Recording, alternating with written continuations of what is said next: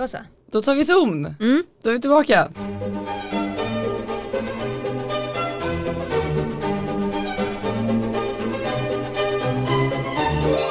Hej och välkomna till Kungligt Med Jenny Alexandersson. och Sara Eriksson.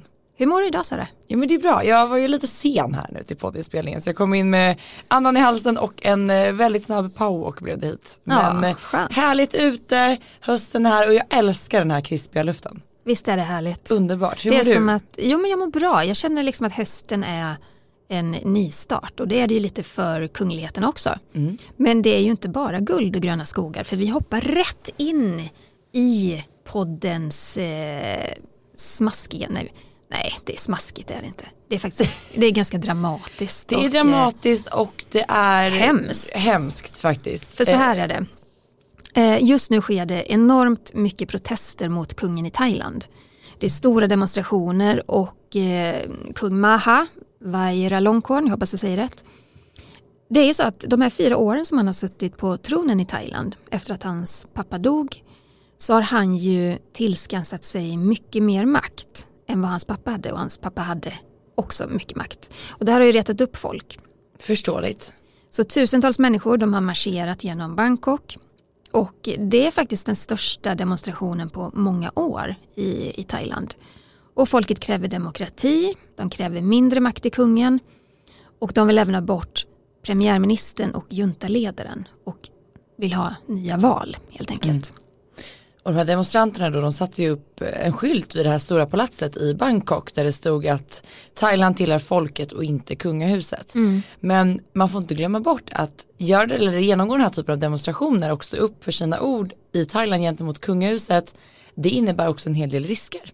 Stora risker, verkligen. Eh, det är ju så att i Thailand så råder det mycket hårda straff för den som kritiserar den thailändska kungen. Han ses ju lite grann som en gud. Och att begå de majestätsbrott det kan ge upp till 15 år i fängelse. Och det krävs inte mycket kritik utan det kan handla om ett eh, Facebookinlägg eller någon, så här, någon humoris, humoristisk kommentar. Så att det är oerhört känsligt. Också hört så här om man råkar trampa på en sedel där Mm. kungen är liksom på frontar så kan man också få ett straff. Ja. Så att det är så här, det är väldigt hårda regler och att då våga stå i frontlinjen och kräva liksom i princip att de ska förlora mer makt eller bli av med Mm. mer makt. Det, det, alltså, det krävs ett väldigt mod och eh, vi har inte riktigt sett alla konsekvenser av det här ännu. Nej, det blir intressant att, att följa faktiskt. Och sen är det ju så att, ehm, att kungen han och, och hans fru, drottning Sutida, de är ju kritiserade. Eh, de är ju lite kontroversiella. Och kanske inte minst nu under coronapandemin därför att båda två har ju tillbringat den mesta tiden utomlands. De befinner sig inte i Thailand. Nej. Och kungen han hyr ett stort hotell i Tyskland och eh, där bor även många av hans älskarinnor menar då eh, världspressen faktiskt. Det är många som Vi skriver om pratade det. ju faktiskt om det i ett tidigare avsnitt i podden just hur eh, vad han har gjort, att han har valt att liksom lämna sitt land mitt under en pågående pandemin där han på något sätt ska vara den som står för den här enade kraften och håller samman ett land och då istället så har han åkt iväg med sina älskarinnor vilket Mm. såklart retar upp folk. Och drottning Sutida hon befinner sig i Schweiz så hon är ju inte heller i Thailand. Nej. Eh, och det sticker ju i ögonen på folk såklart. Såklart, jag tror att de båda två gjorde en snabb, en snabb blixtvisit till eh, Thailand när det var någon form av minnesceremoni eller liknande och sen gav sig av Ja. lika fort därpå. Så att, Det känns ju lojalt. ja men verkligen, så att vi får väl se lite vad Vi, som vi, kommer, kommer att nog, hända. vi kommer nog inte vara välkomna in i Thailand, Sara. Efter det här poddavsnittet? Nej, det tror jag inte. Nej, det var ju synd. Ja. Hur som helst, vi går över till Norge, för det har vi pratat om tidigare, också när det gäller corona. Att i samband med Sverre Magnus eh, konfirmation, han är då son till kronprins Håkon och, och Mette-Marit, eh, så fick de också en del kritik för att de satt tätt i kyrkan och de, ja, eh, Vi såg inga tydliga coronarestriktioner helt Nej. enkelt och det var en stor Precis. middag på Skagum på kvällen där folk satt tätt och det var mycket folk samlat. Alltså man fick en känsla av att just där och då så existerade inte den här pågående pandemin. Nej, och just nu är ju situationen i Norge jättetuff. De eh, inför ju fler restriktioner och eh, de har verkligen ett, ett jobbigt läge. Och anledningen till att vi nämner det, här, nämner det här nu det är ju för att kungafamiljen återigen har fått kritik för sitt agerande. Mm. Men den här gången så handlar det om eh, prinsessan Märta Louise och hennes pojkvän Shaman Durek. Och de har ju skapat rubriker förr. Ja men det kan man väl minst sagt säga. Men den här gången så handlar det lite om en, om en annan typ av, av rubriker. För att den 22 september så fyllde Märta Louise då 49 år och pojkvännen Shaman Durek, han bor ju då vanligtvis i USA. Han tog sig då i hemlighet hela vägen till Norge för att då överraska sin kärlek på födelsedagen. Eh, fint tycker jag på ett sätt. Men vad förmedlar det här i den här kristiden? Ja och eh, som sagt just nu kanske inte det var inte ett helt perfekt läge, särskilt inte också med tanke på att den norska kungafamiljen redan har blivit ganska kritiserade för de har agerat, de har inte liksom levt som de lär Mm. och att då resa från USA till Norge just nu innebär inte heller det. Och eh, enligt norsk, norska Se och Hör så ska ju då kung Harald av Norge ha avrått Derek från att delta vid Märta Louise dotters Leas konfirmation då tidigare i höst, så han var inte med då. Men nu kunde han helt enkelt inte bärga sig längre. Nej, så är det. Och jag blir jätteglad för Märta Louise skull. Det är väl härligt. De har ju varit ifrån varandra nästan ett halvår. Eh, prinsessan Märta Louise hon skriver på Instagram, hon har ju lagt upp en bild på dem såklart tillsammans. Och där skriver hon att hon, hon älskar överraskningar. Men det är ju också så att hon vet ju om att då kommer hon få utstå en del kritik. Så är det. Vilket de, de gör nu. Och det är väl lite som att vi skulle se prinsessan Madeleine helt plötsligt dyka upp eh, i ett mer privat sammanhang. Det skulle säkerligen också kritiseras. Just för att vi befinner oss i den situationen som vi gör. Och sen tror jag säkert att det blir lite extra när det handlar just om shamanen och Märta Louise just för att det känns som att lite vad de än gör så gillar folk att reta upp sig på deras relation. De är väldigt öppenhjärtliga och gör en hel del utspel i media båda två. Så är det. Mm. Vi tar ett hopp över till Vi hoppar Sverige. runt ja, men, idag. ja, men det, det har hänt mycket i den kungliga världen bara på en vecka. Väldigt mycket, det är alltid så kul när du och jag ska så planera veckans avsnitt och sen börjar vi med att tänka att har vi någonting att prata om den här veckan? Och sen har vi nästan för mycket att prata om. Mm, så är det. Lyxiga problem. Ja, i Sverige så är det ju så här att vår kung, han är beskyddare av stiftelsen Håll Sverige Rent. Och förra, förra helgen så var det Håll Sverige Rent-dagen. Och i samband med det här då så fick vi ta del av en hälsning från kungen. Det var under hans morgonpromenad med kungaparets hund Brandy. Och vi lyssnar på hur det lät. Vilken, vilken härlig morgon. Jag befinner mig faktiskt på, på Lovön, precis utanför Stockholm. Där Drottningholms slott är beläget och eh, där där och har den stora förmånen att få bo och leva. Underbart. Men det, fina med det hela är just att det är en underbar vacker natur runt omkring. Och jag brukar ta mina promenader här med min hund då och då. Så ofta som möjligt förstås. Men jag måste säga, jag blir jättebesviken och jag blir ledsen när man går i skogen och ut med vägar och kanske i dikesrenar och så vidare. När man ser så mycket skräp fortfarande i svensk natur. Från ölburkar och plastpåsar och allt vad det finns. Det är obegripligt vad man kan häva ur sig från bilar och så vidare. Och jag förstår inte varför man inte kan, när man ändå har tagit med sig grejerna ut så kan man ju lika gärna ta med sig de här föremålen tillbaka för de hör inte till naturen. Och det skadar naturen, det skadar det vilda. Jag gillar ju kungens eh, lite barska ton här. Miljö och natur det är oerhört viktigt för honom och det märker man ju. Han är ju faktiskt med och städar Djurgården varje år på scouternas traditionella städdag. Och sen är ju det här, det här är ju hans stora passion och eh, fokusområde. Mm. Ja men verkligen. Och som du säger den här tonen, visst lyssnar man väl på den? Det är ett tydligt tilltal och liksom man, man, ja, men man reagerar, den är tydlig. Eh, och jag tycker att det är, man ser också när man tar del av det här klippet att det berör honom faktiskt på djupet och det är väldigt genuint.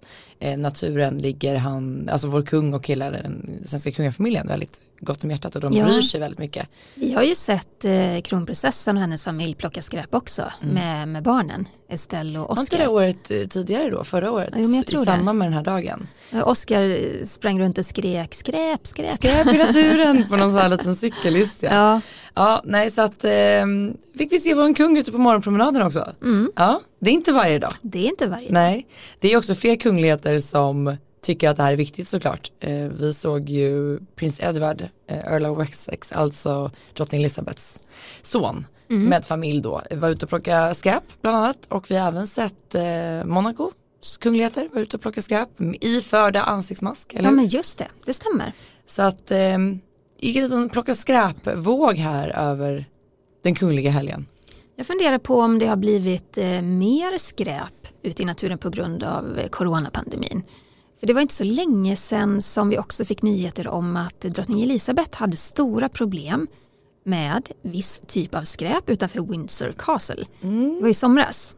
Det var inte då plast vi pratade om utan det var mer eh, Avskräde. Nej men det kanske är faktiskt som du säger att man vistas ju mer ute i naturen nu eh, när man ska så kallat hemestra och allt vad det är. Och där kanske inte alla har lärt sig att man plockar med det man tar dit. Nej, sen var det ju så här att de offentliga toaletterna de var ju stängda på Windsor.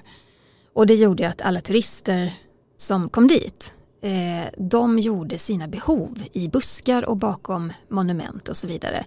Och det uppmärksammade ju eh, det här Instagramkontot som är det officiella för Windsor.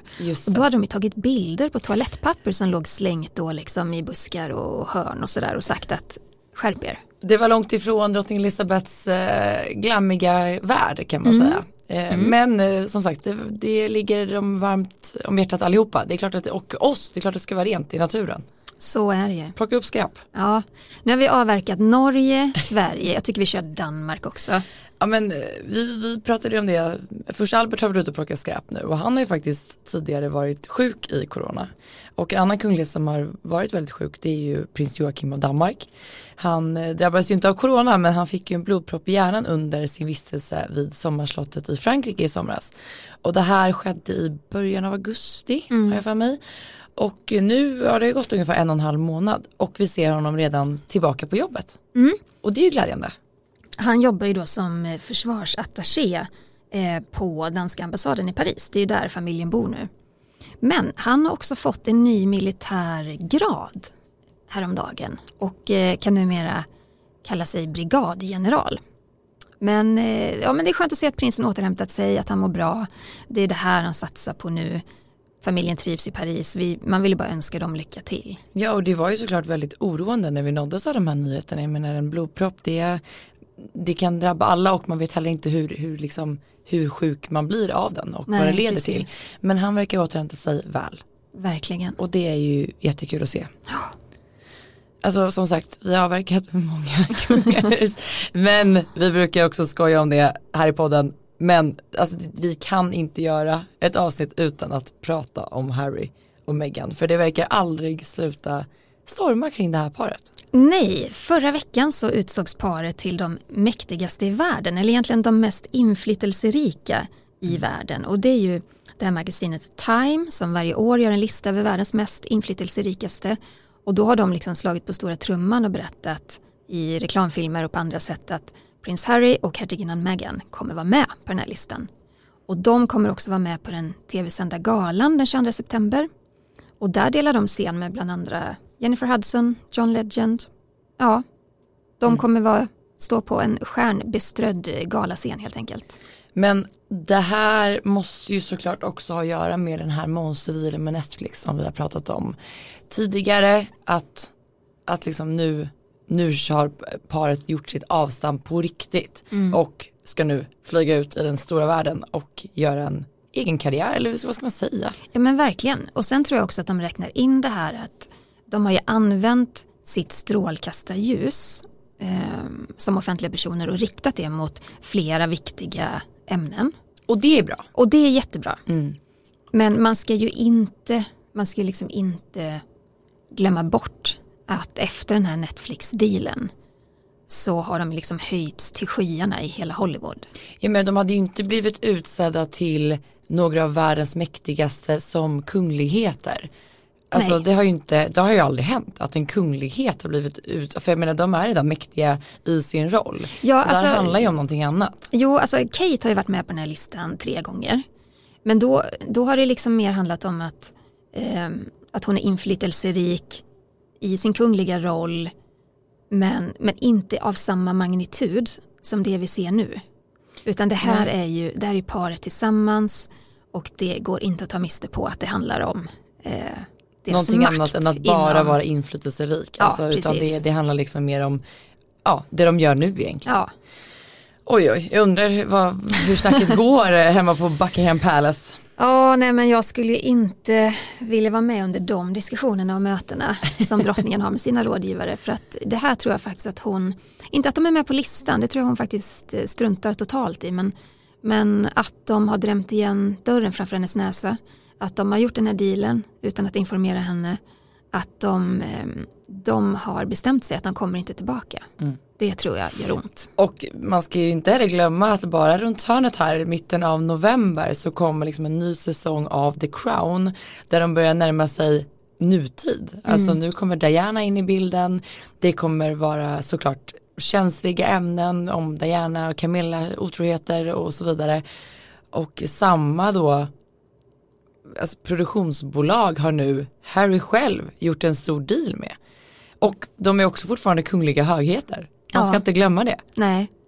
Jätteknasigt. Jag tror eh, när det här året har gått, det här prövoåret som, som de pratar om, eh, så tror jag att det kan mycket väl bli så att de förlorar sina kungliga högertitlar också. För ska de sitta och göra enorma kommersiella dealar med stor, ja, men så multinationella bolag, då kan de inte samtidigt representera kungahuset, det är helt omöjligt. Mm. Ja, det går inte riktigt hand i hand kan man säga. Och jag tycker det är så tydligt nu att de börjar på att göra sin egna grej med tanke på också i vilket sammanhang, sammanhang vi såg Meghan häromdagen. Mm. För det är också så här, det hade ju inte hänt för ett den, halvår sedan. Nej, nej, verkligen inte. Berätta. Men Meghan gjorde ju ett, så här, ett ovanligt framträdande häromdagen. Eh, det var nämligen final i det här America Got Talent-programmet. Ungefär det som, eller det är väl Talang som det heter i Sverige. Ja, och det är ju enormt stort i USA. Exakt. Och eh, ja men det var ju, fattar många människor som följer det här, den här finalen såklart. Och eh, då visades helt plötsligt Meghan på en stor skärm via länk, antar att det var från, eh, från deras hem. Deras hem ja. Mm. Och eh, hon skickade då en hälsning till en av finalisterna som heter Archie, precis som deras son heter. Och hon sa då att hon tillsammans med Harry följt Archie under hela säsongen. Men det är också någonting som är lite speciellt med den här Archie i programmet eller i talangjakten. För att han har då förutom att vara artist även precis suttit oskyldigt i fängelse eller fängslad ja. i hela 12 år. Mm.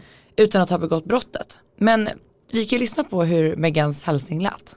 All through this season, Archie, your story and your talent have touched and inspired people around the world. And we have a message for you from a very special fan. Megan, Duchess of Sussex. Take a look.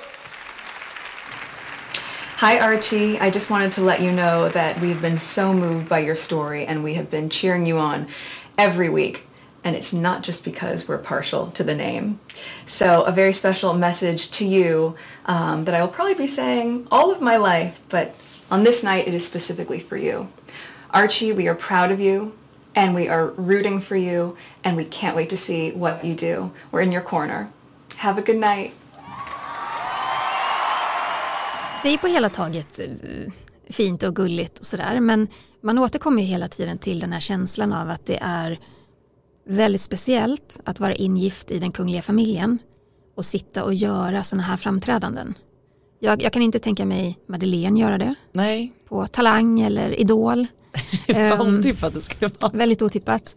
Det blir um, det är två världar som, som eh, kraschar mm. tycker jag. Men det är väl kanske också återigen ett ganska tydligt sign och statement precis det vi pratat om mycket att nu är det tack och godnatt till det kungliga livet. Huset. Mm, Dörren är, är stängd, drottningen har låst, nycklarna är förmodligen bortkastade. Ja. Eller?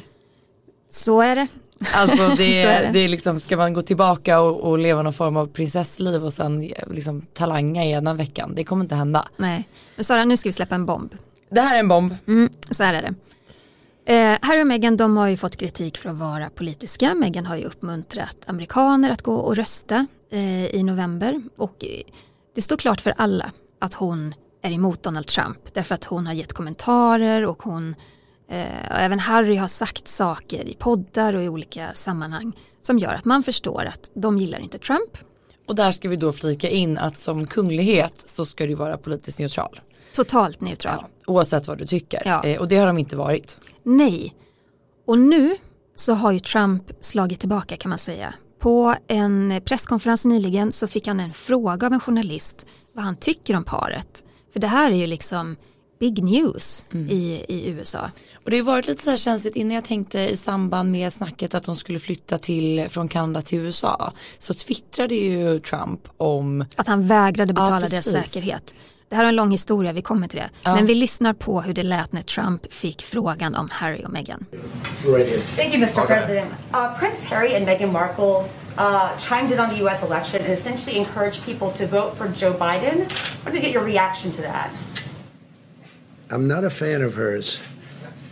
And uh, I would say this, and she probably has heard that, but uh, I wish a lot of luck to Harry because he's going to need it.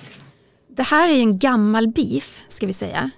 Eh, För det första så säger Trump att eh, ha- Meghan är inte hans favorit. Och han önskar Harry lycka till. Det kommer han behöva. Vad menar han med det? Att hon är en, han tycker att hon är strulig, att hon Ja. är jobbig. Ja.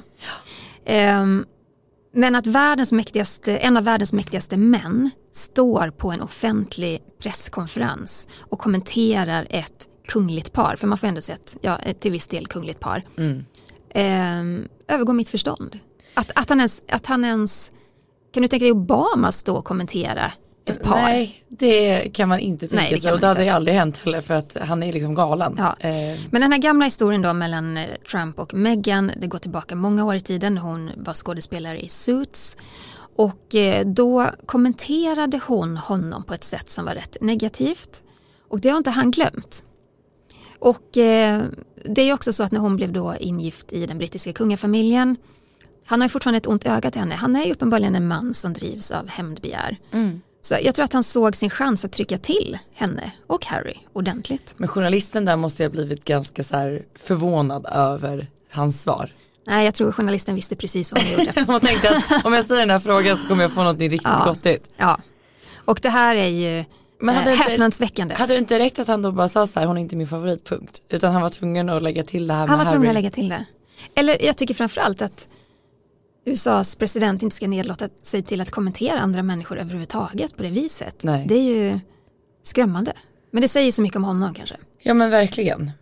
Eh, Jag tycker vi måste stanna kvar på Harry och Meghan. Vi har ju lovat er lyssnare att hålla er eh, underrättade angående vad som händer i den här rättegången. Som har hållit på i lite mer halvår nu va? Ja, ganska lång tid. Ja. Ehm, Det är ju så här att i februari 2019 så publicerade två tidningar som hör till Associated Newspaper. Det är alltså Mail on Sunday och Mail Online. De publicerade ett brev. Ett privat brev som Meghan skickade till sin pappa i samband med bröllopet. Och som, det var ju väldigt stökigt där, han kom inte till bröllopet, det har varit mycket bråk, han har egentligen sålt ut hela Megans liv till media kan man ju säga. Och då stämde Meghan eh, det här förlaget och de här tidningarna.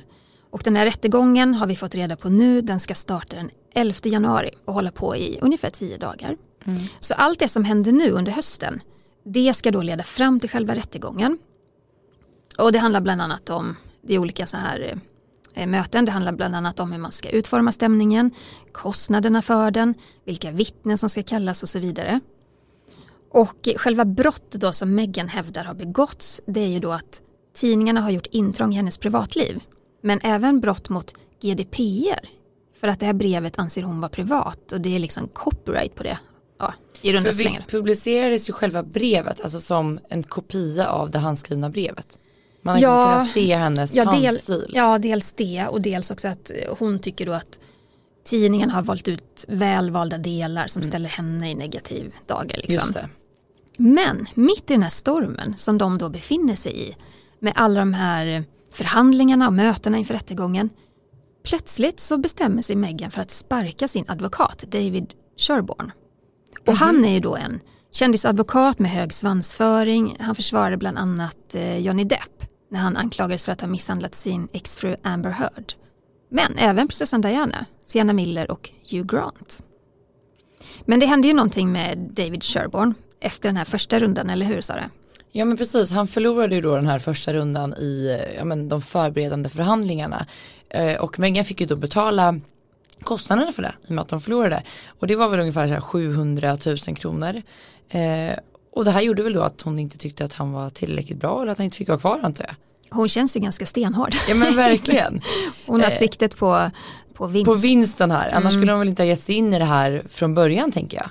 Men eh, han fick helt enkelt tacka för sig, packa Mm. ihop väskorna och nu har hon istället då valt advokaten Justin Roosbrock istället. Ja, och han är ju också väldigt omtalad och känd.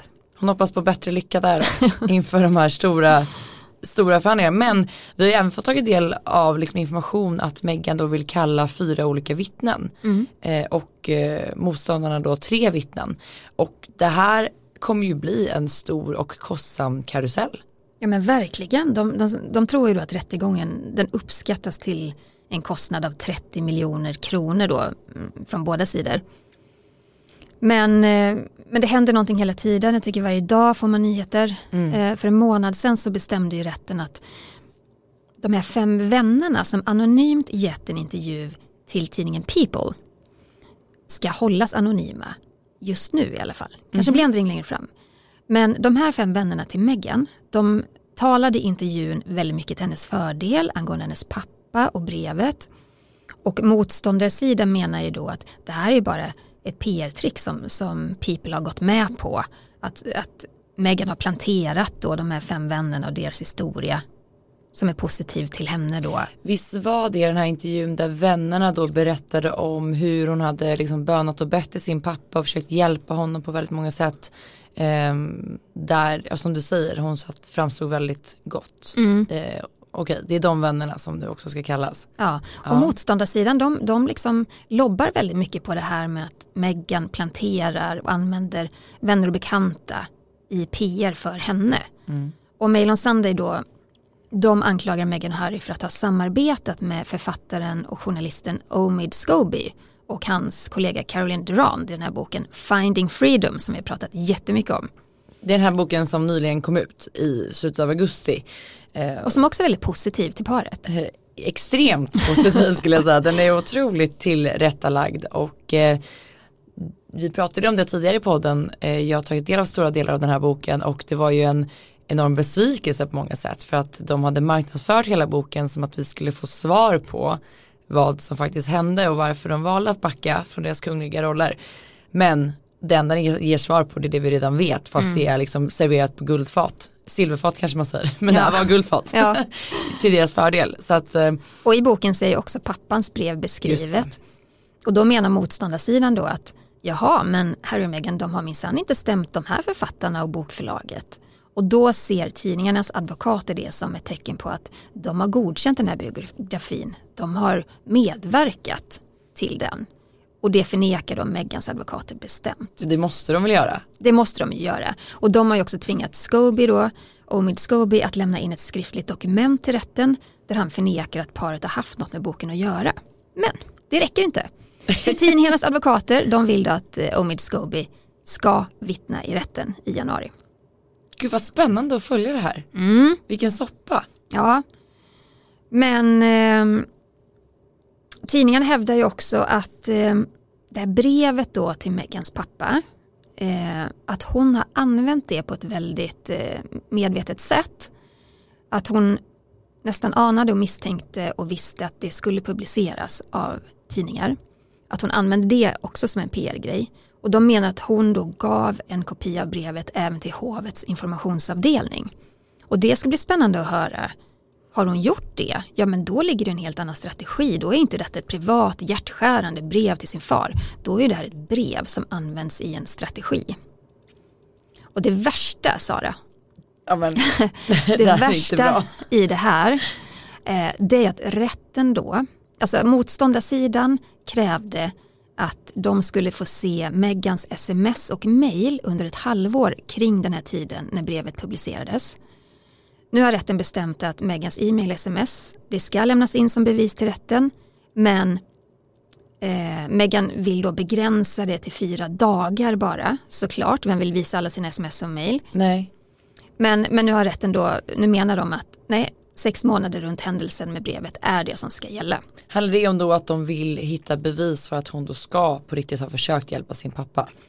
Ja, det är ju Megans sida av saken. Eh, motståndarsidan vill ju hitta bevis för att hon har haft en PR-strategi med brevet. Och då faller ju den här stämningen såklart. För är det så att hon medvetet planterat det här brevet och det har publicerats så kan hon ju inte komma och stämma tidningarna sen. Men tror du att liksom de, de som par eller Meghan då skulle orka dra igång allt det här om hon inte är ganska övertygad om att hon kommer få rätt? Alltså jag ställer mig helt så här, frågande till den här stämningen. Mm. Jag förstår henne på ett sätt, för är det så att de har publicerat ett privat brev, det är ett intrång i privatlivet. Absolut. Men jag kanske, hade jag varit hon kanske jag skulle ha inlett någon slags förhandling istället. Eller att man kommer överens med tidningarna. Om man får ett stort skadeståndsbelopp, om man skänka det till någonting eller lägga in det i det Archewell, den här organisationen. Mm. För jag tror att det hon gör nu, det här kommer vara en pågående dokusåpa som kommer släpa deras privatliv ännu mer ut i ljuset. Jag tänker också då om det nu ska publiceras mejl och sms, det kommer säkert komma fram andra ytterligare saker. Såklart. Som kommer liksom bara spinna vidare och det blir någon ny tråd på det hela och sen är det en annan grej som det handlar om helt plötsligt. Mm. Det kommer ju syftet måste ju ändå vara att, att, få någon form av rättvisa och rätt i det här och markera gentemot media och få leva ett friare liv för det är där de vill. Ja. Men det känns som resultatet kommer komma att bli någonting helt annat. Ja, och så kanske någon av er där ute som lyssnar som tänker att ja, ja, men hon kan väl bara radera de här känsliga privata mejlen och smsen som hon inte vill att rätten ska se. Ja, fast det funkar inte riktigt så. För att när man, om jag förstått det rätt, när man lämnar in det här bevismaterialet raderade saker kommer såklart att, att tas fram också. Mm. Så att det är klart att det är ännu mer av hennes privatliv då som kommer att och, och den perioden vi pratar om, det här var precis innan parets bröllop, det var ju liksom Alltså jag tror det var väldigt känsloladdat. Mm. Det var bråk med syskon, det var bråk med pappan, det var nerverna kring att gifta sig med en prins av Storbritannien. Mm. Man kan ju bara tänka sig att de här nerverna har också spilt ut över hur man formulerar sig, hur man uttrycker sig, vad man skriver och så vidare. Ja, så är det framförallt privat. Jag ja. skulle inte vilja att någon läser mina privata mejl eller sms. Det är inte så att någon läser någonting från i morse, man vet liksom aldrig vad man skriver.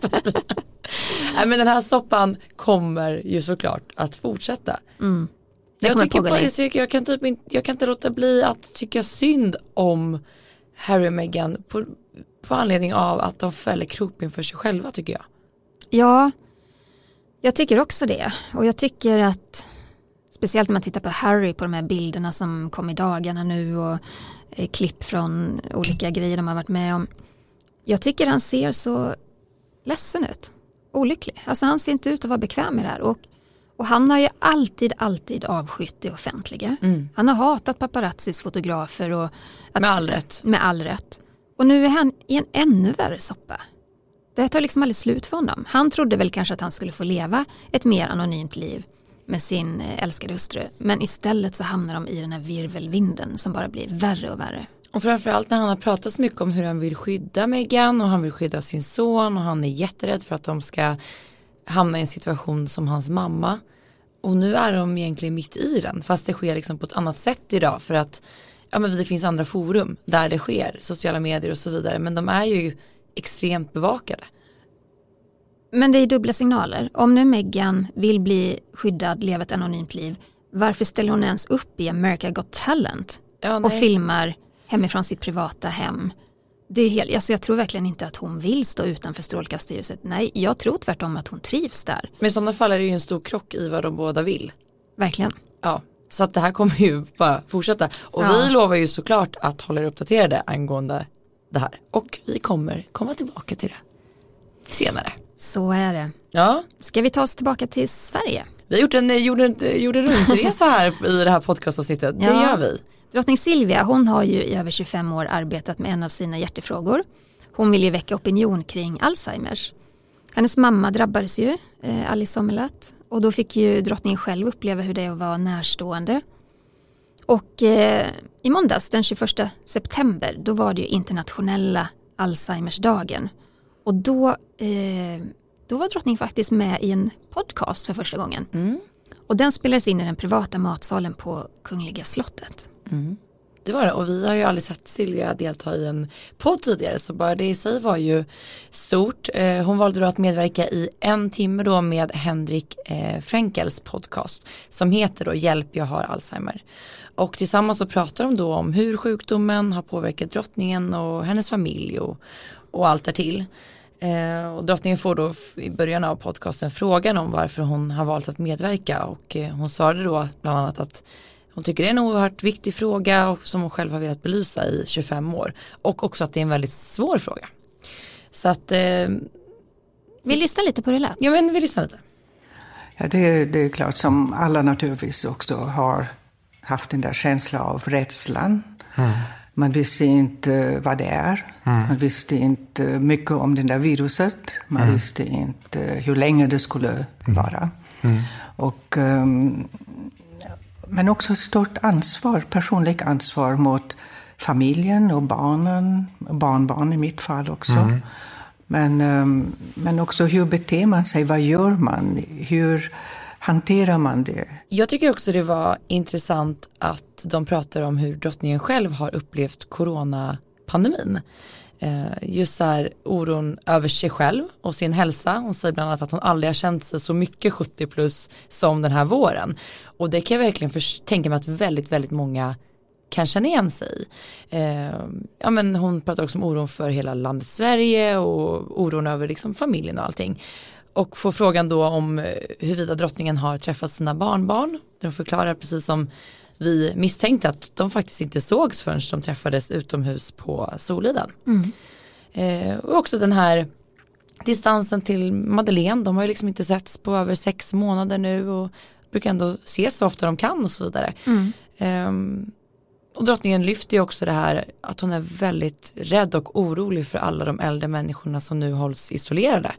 Och att, ja, men att man bara kan, alltså det är svårt att föreställa sig vad det innebär. Att hon själv tyckte det var jobbigt att vara isolerad och då har hon ändå sällskap i form av Mm. sin man. Men hur många människor det är som sitter själva Mm. runt om i landet och i världen. Ehm, ja men att hon, hon pratar också om att hon har väldigt stor respekt för att hur viktigt det är att skydda de äldre. Men också att hon är väldigt, väldigt oroad över vad det kommer att landa i. Ehm, jag tycker även att vi ska lyssna på en annan del av podden när hon får en speciell fråga. Vi lyssnar här. Men ambitionen var väl från samhällets sida att skydda de äldre. Det, det sa vi alla. Ja. Tycker drottningen att vi har lyckats? Ja. Och det har jag också stor respekt för att det, det är det som är syftet. Mm.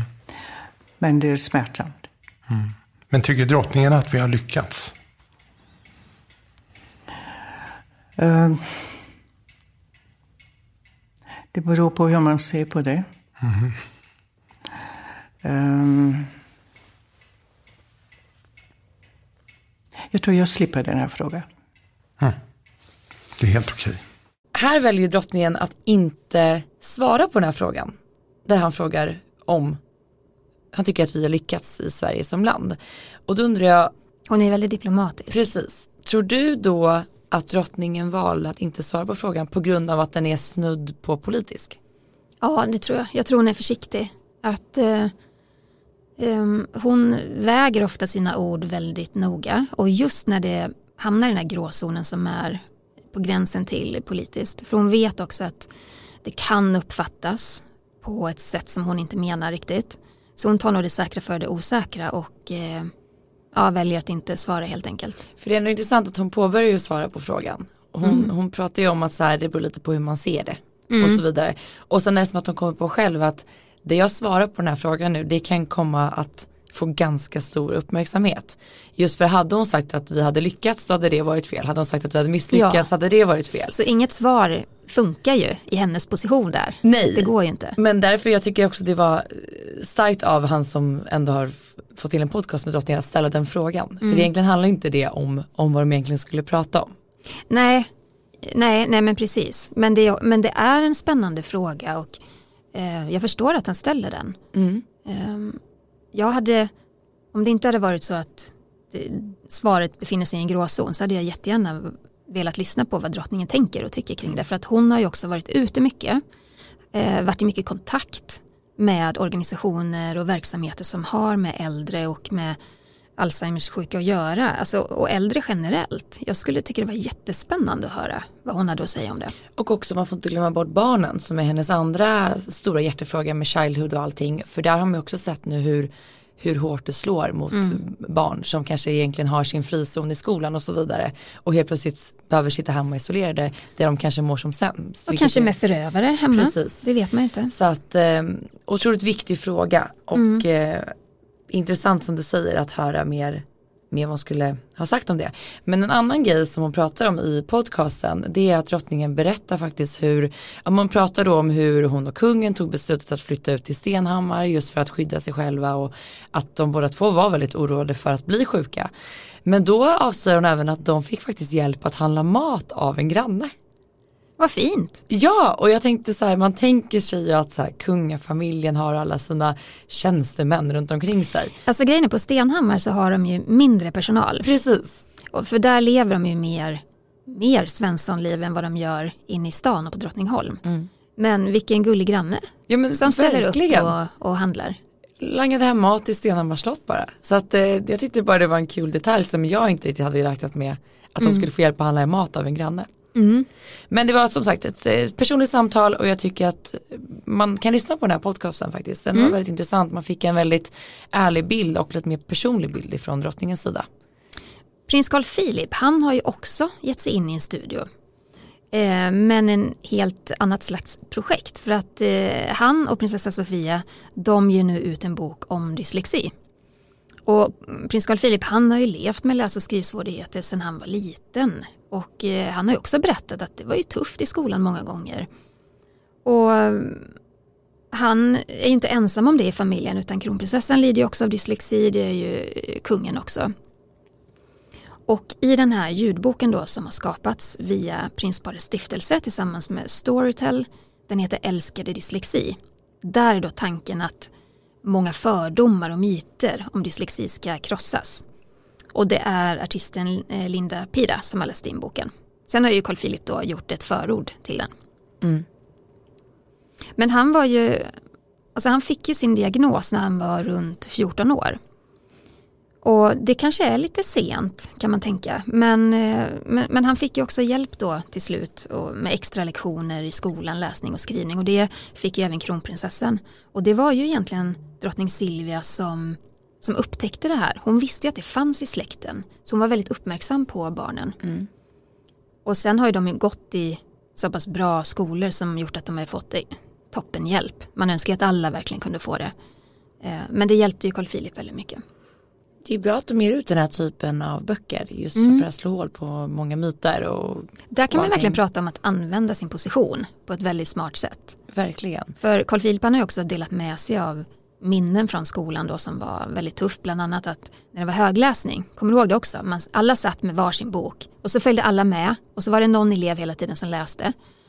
Men det han gjorde var ju att skräckslaget vänta på sin tur. Ja. Han kunde inte ens följa med i texten för han var så rädd att snart är det hans tur att läsa och då kommer det gå åt skogen. Så att det var ju kört för honom. Det är också ett, ett tydligt statement att man väljer att bara ge ut en ljudbok. Mm. Tänker jag. Och det är ju verkligen för att se till att alla kan ta del av mm. dem. Det är smart. Ja. Och sen eh, är det ju så att eh, prinsessa Sofia och prins Carl Philip de tog ju beslutet 2015 när de gifte sig att i sin stiftelse så ska de jobba med två frågor och då är det dels dyslexi men även näthat och jag tycker att de har varit väldigt synliga mm. i de här ämnena.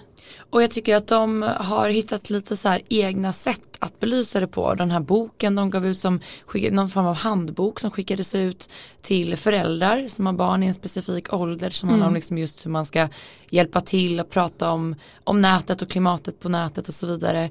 Eh, podcaster, nu en ljudbok, alltså de de gör inte det här kanske traditionella sättet utan de tänker verkligen till och lanserar på ett sätt för att verkligen nå de personer som det handlar om och som de vill nå, nå fram till. Ja, och Carl Philip och eh, Linda Pira, de var faktiskt med i ett eh, digitalt eh, pressmöte häromdagen och vi kan lyssna lite på hur det lät. Jag tycker det är fint att han, han ställer frågor till henne och hon ställer frågor till honom. Så det, blir, det blir ett bra samtal. Mm. Inte det här klassiska bara intervjua Nej. en kunglighet. Nej men precis. Ja du Sara. Ja, det var, det var, vi har varit i många länder, i många kungahus, men det känns ändå som vi fick ihop det här. Ja, jag, jag, jag tycker det också. Det, det har hänt mycket på en vecka, verkligen. Och det känns ju roligt för att det har ju varit liksom en seg vår för oss alla. Det har inte hänt så mycket och det är svårt men nu börjar man liksom, man har kommit in så mycket i det här nya sättet att arbeta på distans och länkar och så här så att nu känns det även som kungligheten har fått en ny start och kunna börja jobba fast på ett helt nytt sätt. Mm. Ni får inte glömma att skicka in lyssnarfrågor till oss. Nu hann vi tyvärr inte ta med några Nej. i det här avsnittet. Men vi lovar, i nästa avsnitt så tar vi med fler. Var skickar man in frågor? Då mejlar man kungligt aftonbladet.se. Yes, och glöm heller inte att följa oss på sociala medier Jenny. Jag finns på Instagram, kungligt med Jenny. Och var finns du? Royalistan.se Härligt. Ni får ha en jättefin helg och en fin vecka så hörs vi om en vecka igen. Det gör vi. Ha det bra. Hej då. Hej då.